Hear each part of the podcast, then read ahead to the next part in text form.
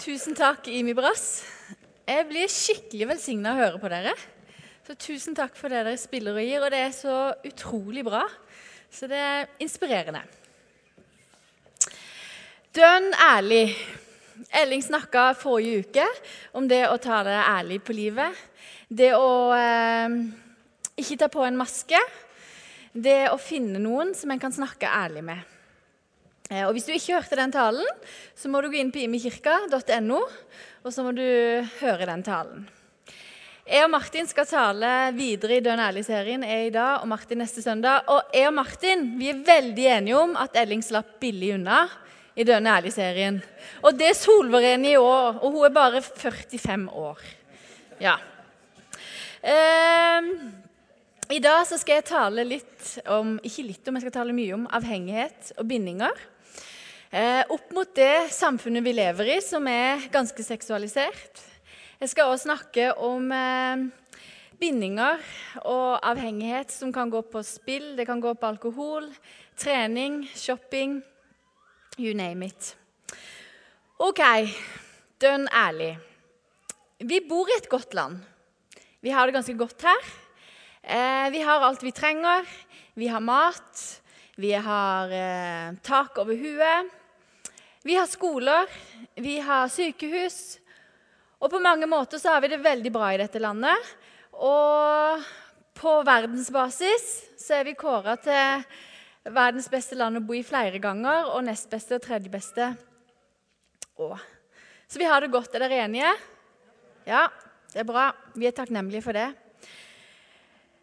Når det er sagt, så bor vi òg i et samfunn som er veldig seksualisert. Hva gjør det med oss? Hva gjør det med oss at vi ikke kan gå inn og lese VG-nett uten at uh, vi ser en halvnaken mann eller en halvnaken dame? Hva gjør det med oss at vi ikke kan skru på TV eller lese et eller annet som sier at, uh, uten at det sier at du må være sånn og sånn, eller du bør gjøre sånn og sånn? Og vi lever i et samfunn som er vanvittig fullt av press, og det er vanvittig fullt av jag. Uh, og det drar oss ned, og det binder oss, og i verste fall så fører det oss ut i avhengigheter. Hva gjør det med oss, og hvordan møter vi det? Og Vi kan jo ikke rømme fra det, og vi vil ikke rømme fra det, for vi vil være i dette samfunnet.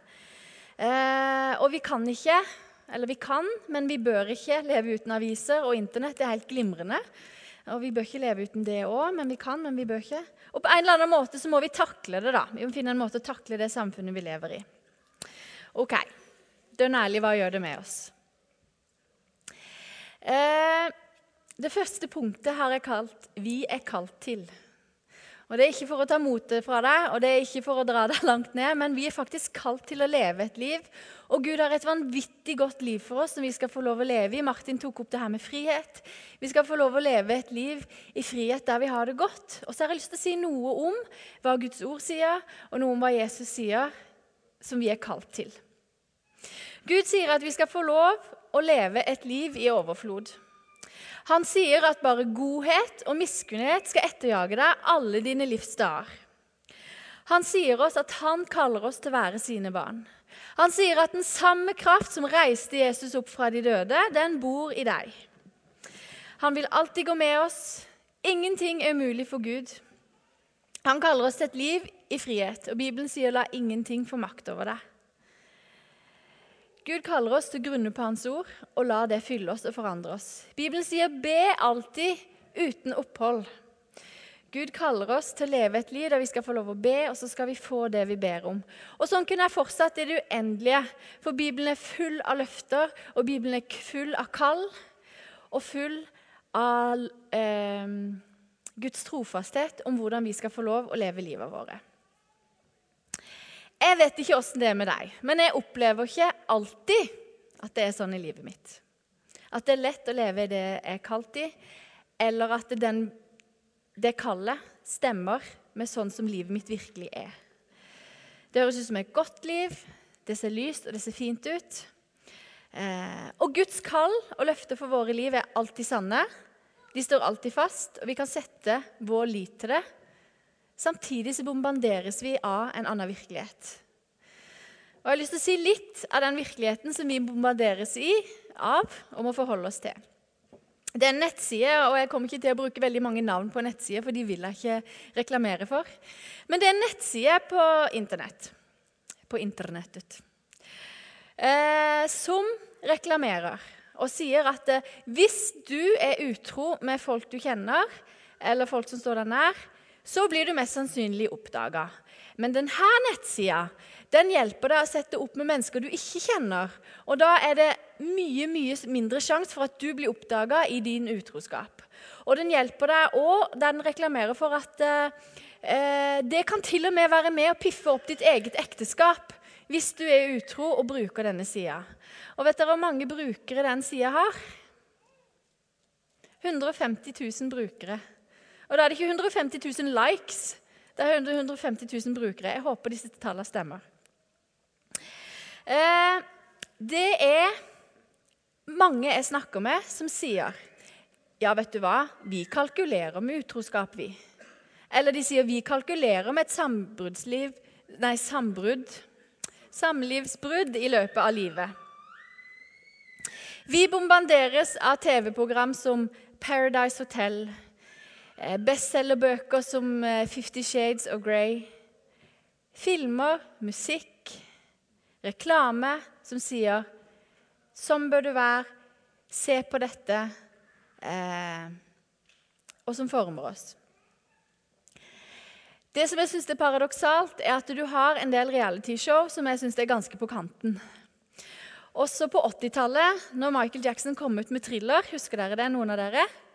Jeg husker det ikke, men jeg har en mann som er ganske gammel, og han husker det.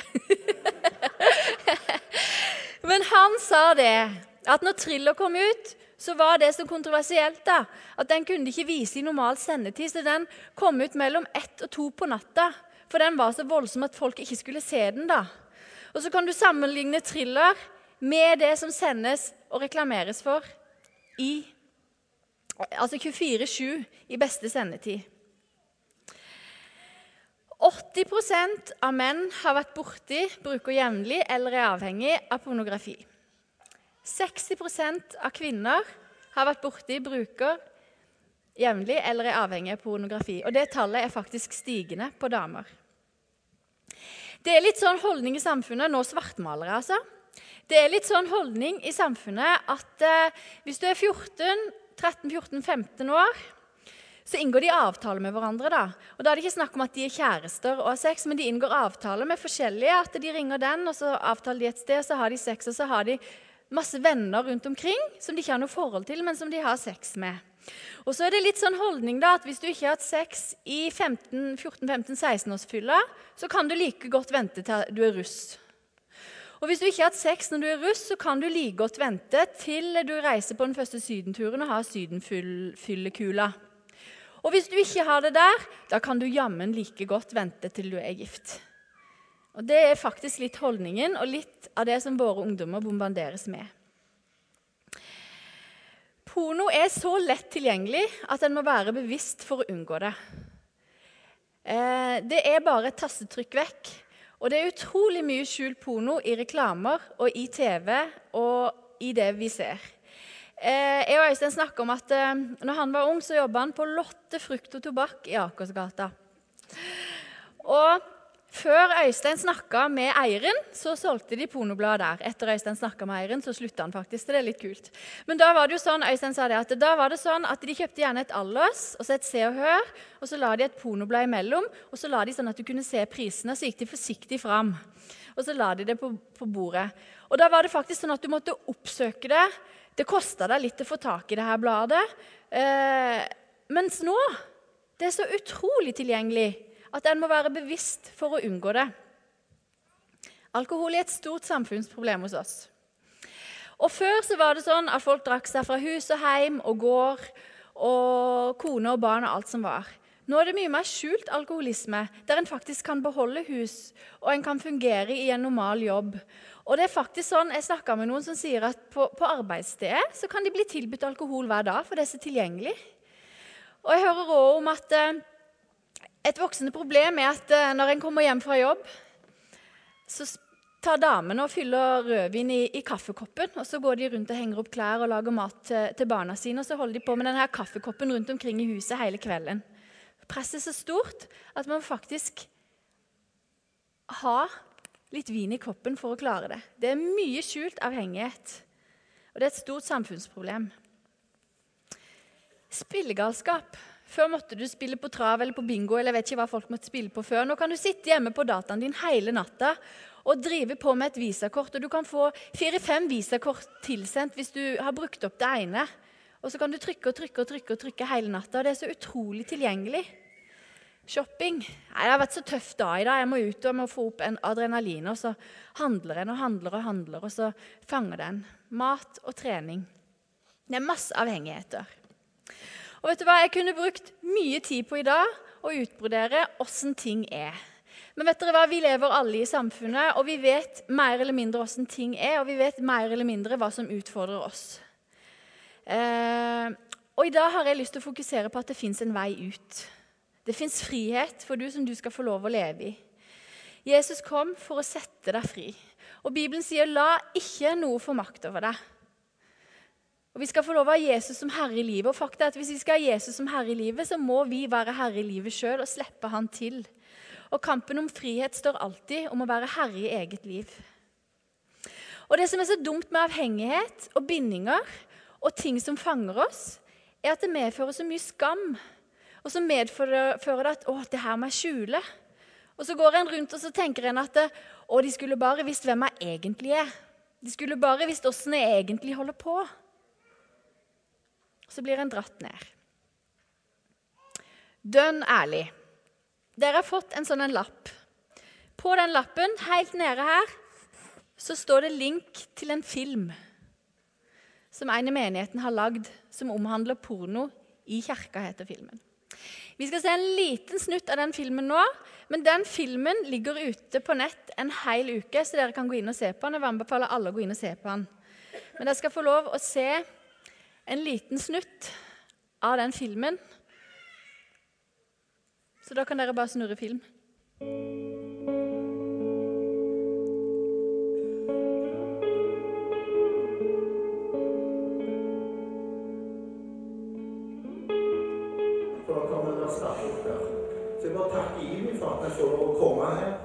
Food to eat, clothes to wear, school to go. Det er mat og det er klær og skole kunne gå på. Si det. Jeg snakket så Lord bless you. Gud sikker.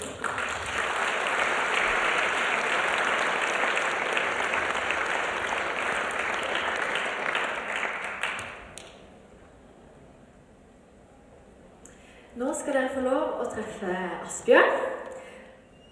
Eh, er du klar?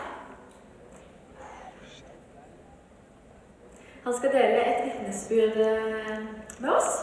Det gleder jeg meg til å høre, Asbjørn. Eh,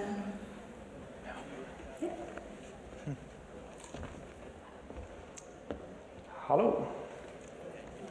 Hei. Jeg er Asbjørn, ja. Stemmer det. Uh, jeg er 23 år. kommer fra vakre Bømlo i havgapet på Vestlandet. Jeg eh, syns ja, syns jeg sjøl er ganske bra. Syns jeg ser bra ut. Eh, jeg studerer fjernsyn og multimedia, og jeg leder lovsang her bak. gangen i det. Um, jeg er òg Asbjørn, som har slitt med porno. Um, og det er ikke noe vi snakker så veldig mye om her i kristne sammenhenger. Fordi det er noe som er tungt, og noe som er vanskelig, og som vi ikke helt tør å ta borti. Vi vet at det er feil, men så mye mer enn det vet vi ikke. Jeg det følte veldig masse skam. Jeg følte meg utrolig, utrolig alene. Fordi i møte med andre kristne som så veldig bra ut, og som gjerne ikke viste så mye svakhet, eller viste ja, sitt sanne seg, kanskje, så, så kunne ikke jeg komme med den Asbjørn som også sier med porno, opplever jeg. Fordi det var et ikke-tema. Det var et tabu. Noe som ikke tørde å ta hendene borti.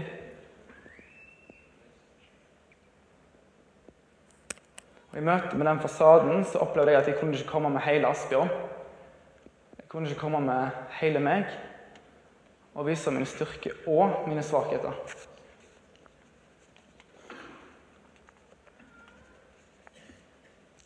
Jeg tror at vi som kristne i altfor lang tid har pynta på en fasade for å framstå som veldig, veldig flotte, men som egentlig har ting vi sliter med.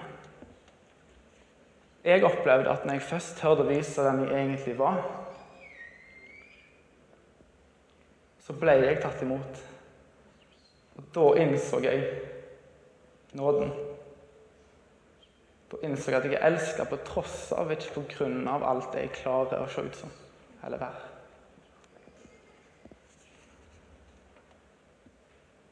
Så jeg hadde et problem med porno. Hos deg skal det være noe helt annet. Men jeg vil bare snakke til dere og sier kanskje vi være en generasjon, en bevegelse, som viser oss som de vi er, og som stoler på at når vi viser oss vår styrke og våre svakheter, at da kommer vi faktisk til å bli tatt imot. Både av for vi er kristne, og av Gud sjøl.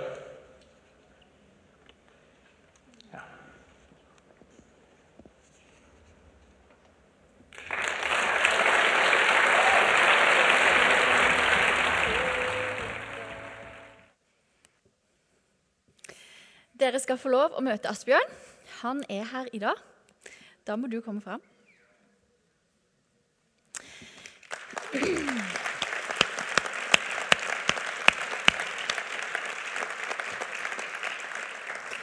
Du må fram i lyset.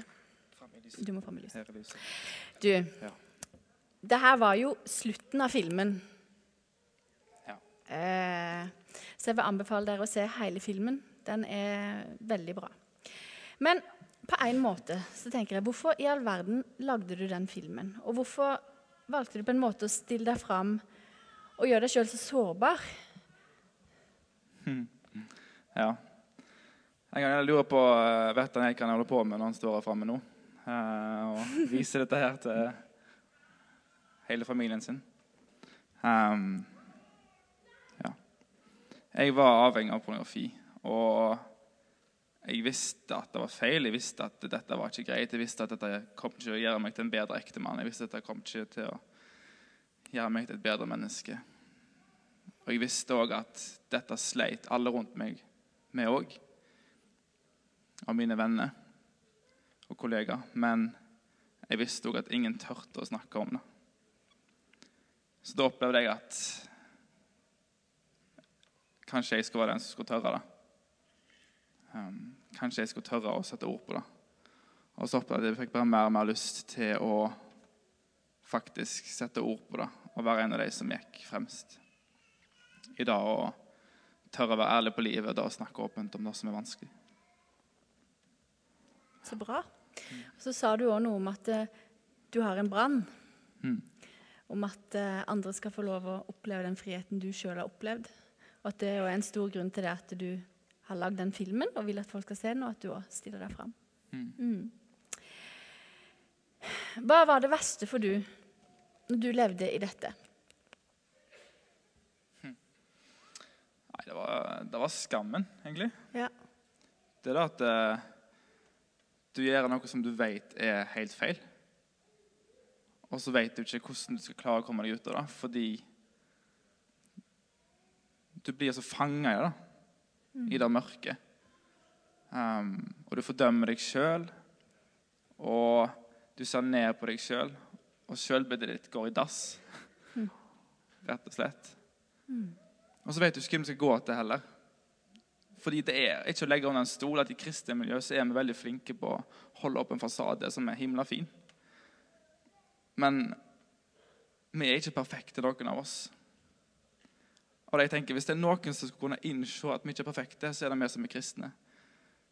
Vi som sier at vi, skal, at vi har innrømt at vi trenger Jesus.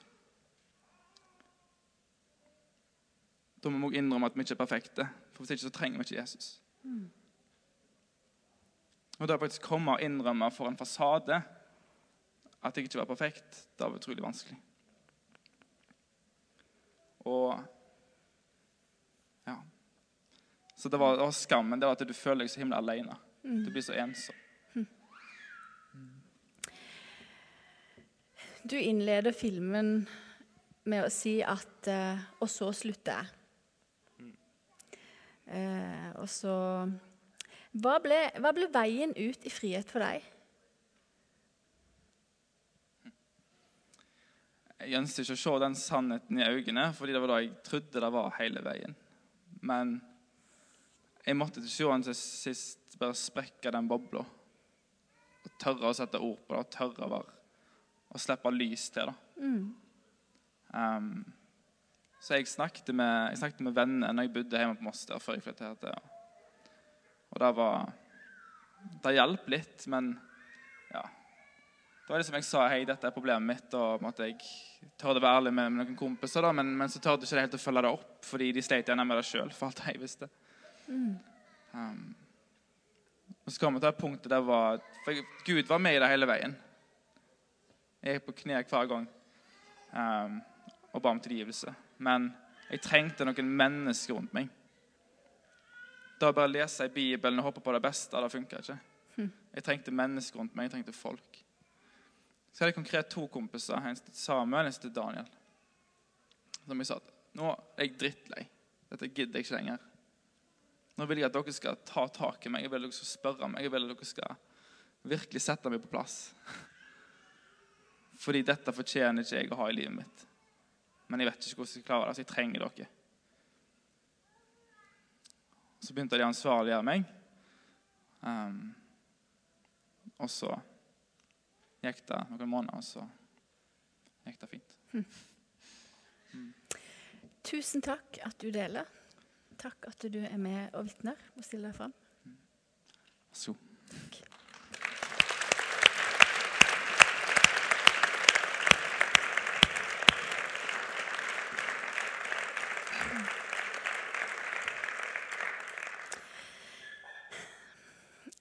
Stikkordet er ærlighet. Dere har møtt Asbjørn. Han sier da han innrømmer at han hadde et problem, han sa det til noen og sa 'jeg trenger hjelp', så sa han til meg når vi snakka her forrige dag, at det var da trollet sprakk. Og vet du hva, jeg tror det begynner, Uansett hvilken avhengighet det har, eller hvilken, uansett hvilken eh, binding det er snakk om i livet ditt, så begynner det med å være ærlig med seg sjøl. Og jeg tror en måte å være ærlig med seg sjøl er er å se for seg at en sitter i et rom alene. Og så spør du deg sjøl ja, åssen har jeg det i forhold til disse tinga. Hvordan har jeg det i forhold til dette? Hva vil du si? Hva vil du si til deg sjøl? Og vet du hva, Det begynner ikke med å si det til noen andre eller stille seg opp på, på scenen og skrifte eller eh, eh, Eller be om tilgivelse heller, for den saks skyld. Men det begynner med å innrømme det. Jeg har et problem. Jeg er ikke fri. Sånn vil jeg ikke ha det. Det er ikke godt for meg å ha det sånn. Og så tror jeg det som hindrer oss eh, i å være ærlige, det er bortforklaringer, det er generaliseringer, det er 'alle gjør jo', 'alle sier jo', 'det er jo ikke så farlig'. En blir påvirka av et samfunn som sier at hvis det føles bra for du, eller det kjennes rett ut for deg, så kjør på. Eh, om det ikke skader noen, så bare kjør på. Jeg skal midt inni dette lese en, bare en sånn liten snutt som er kjennetegn ved avhengighet. Og det omhandler alle typer avhengighet. Og her står det eh, En sterk trang til å utøve aktiviteten. Manglende evne til å regulere aktiviteten slik at man bruker mer tid enn tenkt. Starter når man har bestemt seg for å avstå, eller at man stadig prøver å slutte uten å klare det. Aktiviteten en, opptar en slik at andre viktige og hyggelige aktiviteter blir skjøvet bort eller nedprioritert, f.eks. familieliv. Man fortsetter å bruke mye tid på aktiviteten til tross, skade, til tross, for at det får skadelige konsekvenser som økonomiske problemer, problemer med arbeidsgiver, ekteskapskonflikt eller at det går utover skolearbeid, tid, lekser og relasjoner. Kjenner du deg igjen? Er det noe her som bare ja? Elling sa, Elling sa sist søndag at for at han skulle klare å leve livet sitt godt, så var han helt nødt til å, sette seg i en posisjon der han hadde folk rundt seg som kunne spørre han, 'Åssen har du det? Åssen går det med deg? Åssen er det med den og den tingen? Hvordan er livet ditt nå?' Eh, og vi er ikke satt til å klare livet alene. Det er ingen av oss satt til. Og det er litt godt å vite, faktisk. Eh, I et samfunn der det er veldig individualisering, så er det godt å vite at vi skal ikke klare det alene. Derfor er det kjempeviktig å inngå allianser. Asbjørn inngikk en allianse med to kamerater. Finn folk som du kan begynne å være ærlige med, som du kan ta inn i livet. Og jeg synes Det er så nydelig for han sa det at når jeg innrømma det, så blei jeg tatt imot. Finn folk rundt deg som kan ta imot deg. Bruk cellegruppa. Vær del av et mindre fellesskap der du kan bli bedt for, du kan bli løfta opp. Og vet du hva? Jeg vet at Det er ikke alle ting vi deler i en gruppe. Det er ikke alle ting vi skal dele i en gruppe. Og Noen av dere går i en ganske ny cellegruppe. Noen av dere vurderer å begynne i en cellegruppe. Og så vet jeg at noen av dere som går i cellegruppa, har vært sammen i ti år. Og det ville vært helt naturlig å delt veldig mye av livet der. En begynner med å innrømme og være ærlig med seg sjøl og bygge gode allianser. Jeg skal nevne noen eksempler på allianser. En ting som jeg sa, var cellegruppa. Eh, For mange år siden så hadde jeg en venninne, og hun hadde hatt sex med kjæresten sin. Og Så sa hun til meg men det vil jeg ikke. Jeg vil ikke det før jeg gifter meg. Men jeg trenger at du ringer meg en gang i uka og spør åssen går det med det.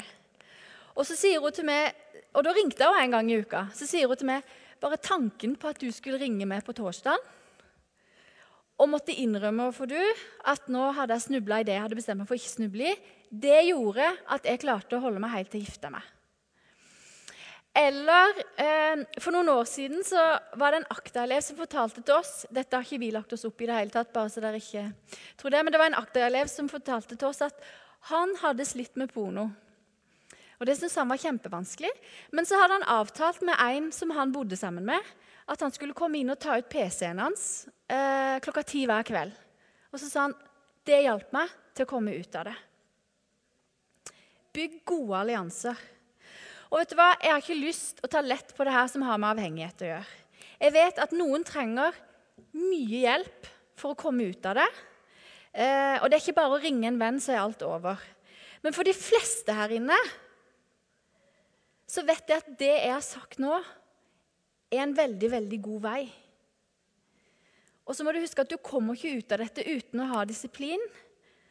Du må bestemme deg, og du må bruke masse disiplin. Du må bruke ren viljestyrke, og du må faktisk bygge muskler. Og det å bygge muskler går ikke av seg sjøl eh, i det hele tatt. Eh, et annet godt tips eh, For noen år siden så fikk jeg høre det at det var en coach på Akta som hadde tatt med seg Akta-teamet. Eh, for de, jeg tror de hadde noe mellomlanding i Amsterdam, på Red Light District. Red Light District er et sted eh, hvor de selger masse masse sex, og folk står utstilt i vinduene. Så kan du kjøpe det du har lyst på. Og min første tanke da Hvilken coach finner på å ta med seg studenten til Red Light District? Jeg har ansvar for det som har med Team bak Akta å gjøre. Men det var jo Martin. det var Martin Cave, så vi må, ta, vi må ta en prat om det, Martin. Men i, i alle fall, når de gikk der, var det en misjonær dere hadde med dere. Så gikk de sammen med en misjonær og snakka med, med den misjonæren. Og så sier den misjonæren Det som er clouet nå, er Don't look twice. Og vet du hva? Denne historien hørte jeg for mange år siden, men det har blitt en sånn greie som går i huet mitt når det gjelder mange ting i livet. Don't look twice.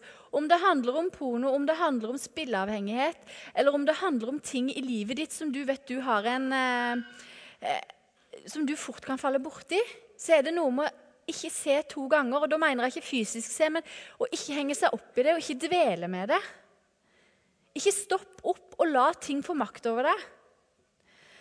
Fristelser er ikke synd. Men hva du gjør med fristelsen, blir jo det avgjørende her. Og det er der vi trenger å bygge muskler. Vi trenger å bygge på vennskap, og vi trenger å bygge på ansvarliggjøring. Vi trenger å inngå allianser, og vi trenger å lese Guds ord. Og så er det en prosess som vil ta oss inn i en god utvikling. Og så har jeg et spørsmål til deg.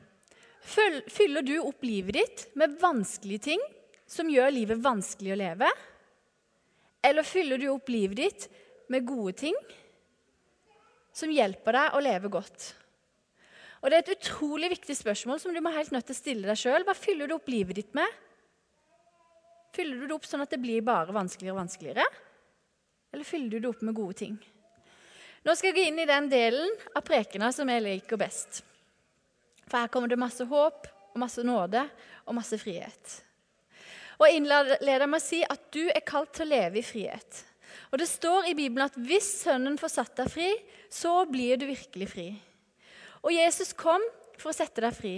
Og når han døde på korset, så var det som Asbjørn sa, det var fordi vi ikke klarte det alene. Og når Jesus ser på deg, så ser han ikke på deg med en pekefinger, og så rister han litt på huet, og så sier han hva, hva er det egentlig du holder på med? Det er ikke sånn Jesus er. Men når han ser på deg, så ser han sitt barn, som han er uendelig glad i. Og så strekker han fram hendene, og de er naglemerka. Og så sier han det var for deg.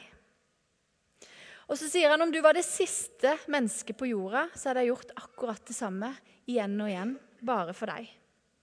Og så er det bare av nåde. Og så inviterer han deg til å komme sånn som du er. Og så vil han sette deg fri fra det som tynger deg, og så vil han tilgi deg igjen og igjen. Men du må velge å komme til han.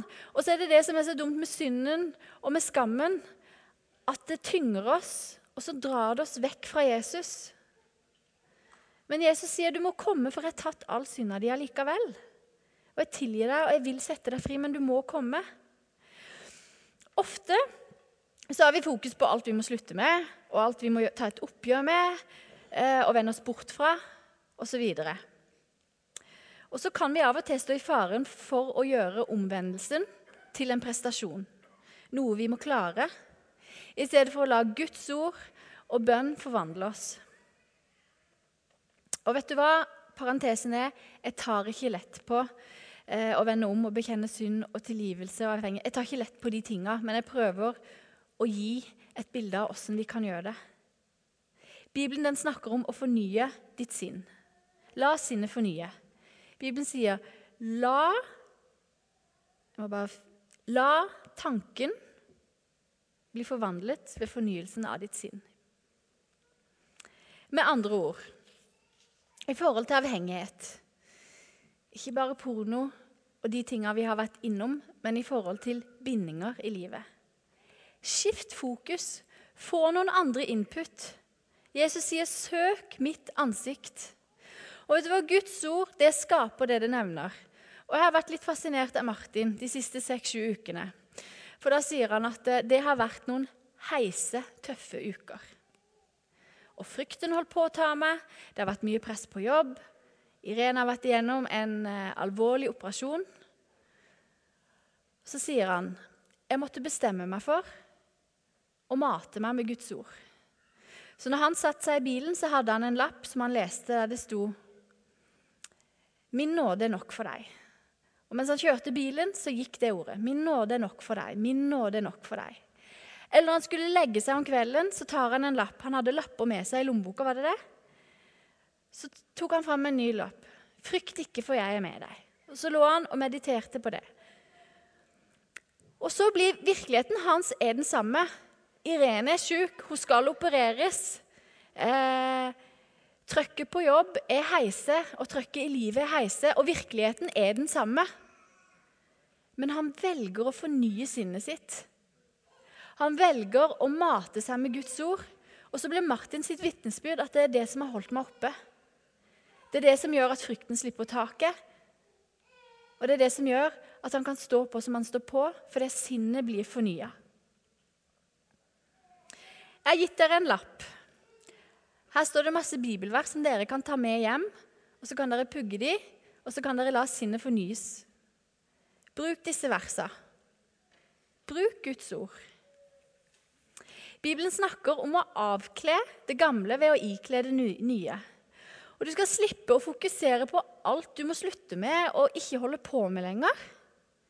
Men så skal du i stedet få lov å fokusere på det nye du skal begynne med. Jesus sier, 'Jeg skaper, jeg skaper noe nytt'.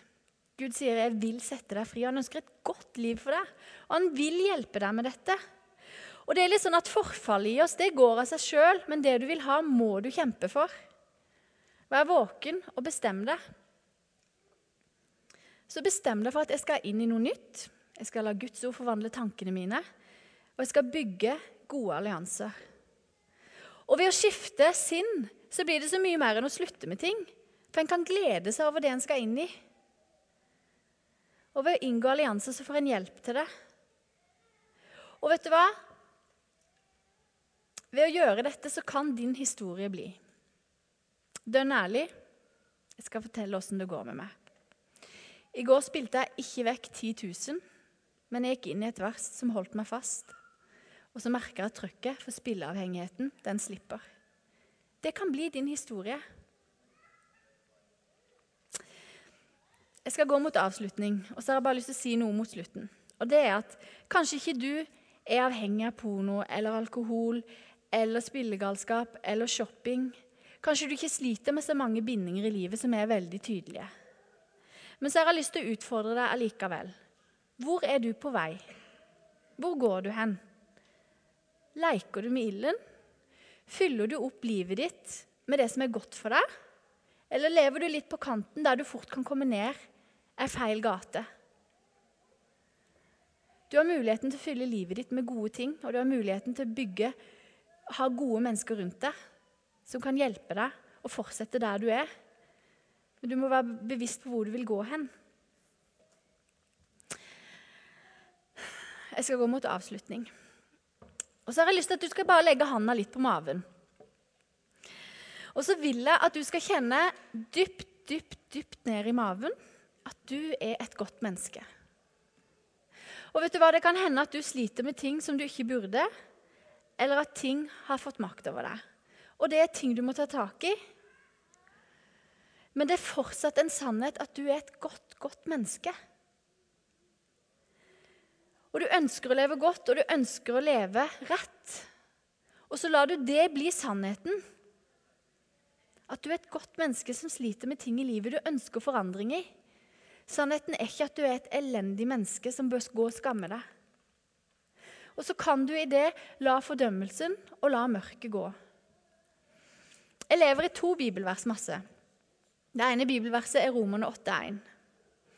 Og Der står det så er det da ingen fordømmelse for den som er i Jesus Kristus. Jesus kom fordi vi klarte det ikke alene. Og jeg har tatt et valg, et bevisst valg om at jeg skal leve i nåden. Jeg gidder ikke leve i fordømmelsen. Jesus sier det er ingen fordømmelse. Og det er den onde som kommer for å røve, han kommer for å stjele, han kommer for å trykke oss ned med fordømmelse. Men Jesus kommer med nåden og for å sette fri. Det andre bibelverset som jeg er mye i, er Mika 7, verset 8. Gled dere over meg, min fiende. Faller jeg, står jeg opp igjen. Lever jeg i mørket, er Herren mitt lys. Jeg har tatt et valg om, hvis jeg snubler og hvis jeg faller, om at jeg skal ikke ligge der nede i selvmedlidenhet og fordømmelse, men jeg reiser meg igjen og igjen og igjen og igjen. Og hvis en tar det valget, så det er noe som virkelig kan hjelpe en til å ikke bli liggende, og så går det bare nedover med en. Jesus betalte en utrolig høy pris for at vi skal få lov å leve i nåden, for at vi skal slippe skammen, og for at vi skal leve i frihet. Og det skal vi få lov å benytte oss av. Jeg skal be. Jesus, jeg takker deg for at du kom for at vi skulle bli satt fri. Du kom ikke med en streng pekefinger for å peke på alt som er galt i livet med, livene våre. Men du kom for å si at 'jeg har en vei, og det er en frihetsvei'. Og Jeg ber deg for alle som er her inne, Jesus, at vi skal få lov å være bevisste på hva som binder oss, og hva som holder oss fast. Og at vi skal få lov å ta gode valg som hjelper oss til å leve liv der vi kan få lov å være frie. Der vi kan få lov å leve i din nåde og der vi kan få lov å leve i det du har for oss, Jesus. Takk, Jesus, for at du elsker oss. For at du er trofast, og for at du aldri gir oss opp. Amen. Jeg ble bare minnet på noe når jeg forberedte talen, og det er at eh, jeg tror det er noen her inne som sliter med den skammen som Asbjørn sa, i forhold til mange ting. Men så tror jeg faktisk det er noen her som ikke sliter med skammen fordi at de har gitt opp kampen. Og så sier Gud at 'min nåde gjelder for du òg'. Så ta det med dere.